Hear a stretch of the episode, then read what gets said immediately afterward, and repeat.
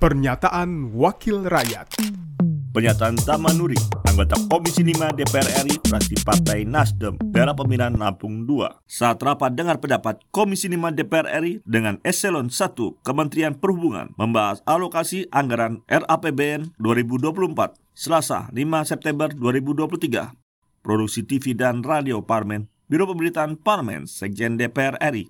Pak Dirjen, tadinya besar harapan kami dengan Pak Dirjen bahwa mudah-mudahan bantuan Pak Dirjen itu bisa bermanfaat bagi masyarakat dan bisa menambah suara kami, Pak. Tapi ini justru bukan seperti itu, terbalik.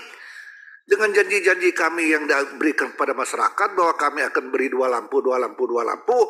Ini program Bapak lain yang musuh. Masa antara kami aja nggak sama.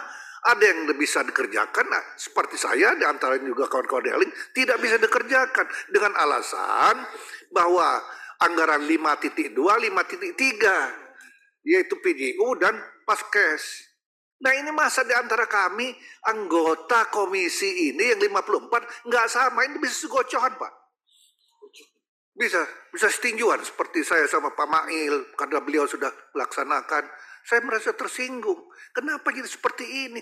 Kan dulu sudah dikatakan bahwa kami ini memerlukan bantuan yang langsung ke desa bukan untuk lampu jalan nasional. Kalau lampu jalan nasional itu semua kepala daerah sudah bikin sendiri.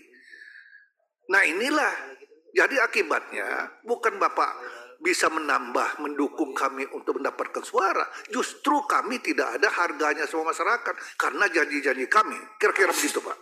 Pernyataan Tamanuri, anggota Komisi 5 DPR RI, fraksi Partai Nasdem, daerah pemilihan Lampung 2. Produksi TV dan Radio Parmen, Biro Pemberitaan Parmen, Sekjen DPR RI. Pernyataan Wakil Rakyat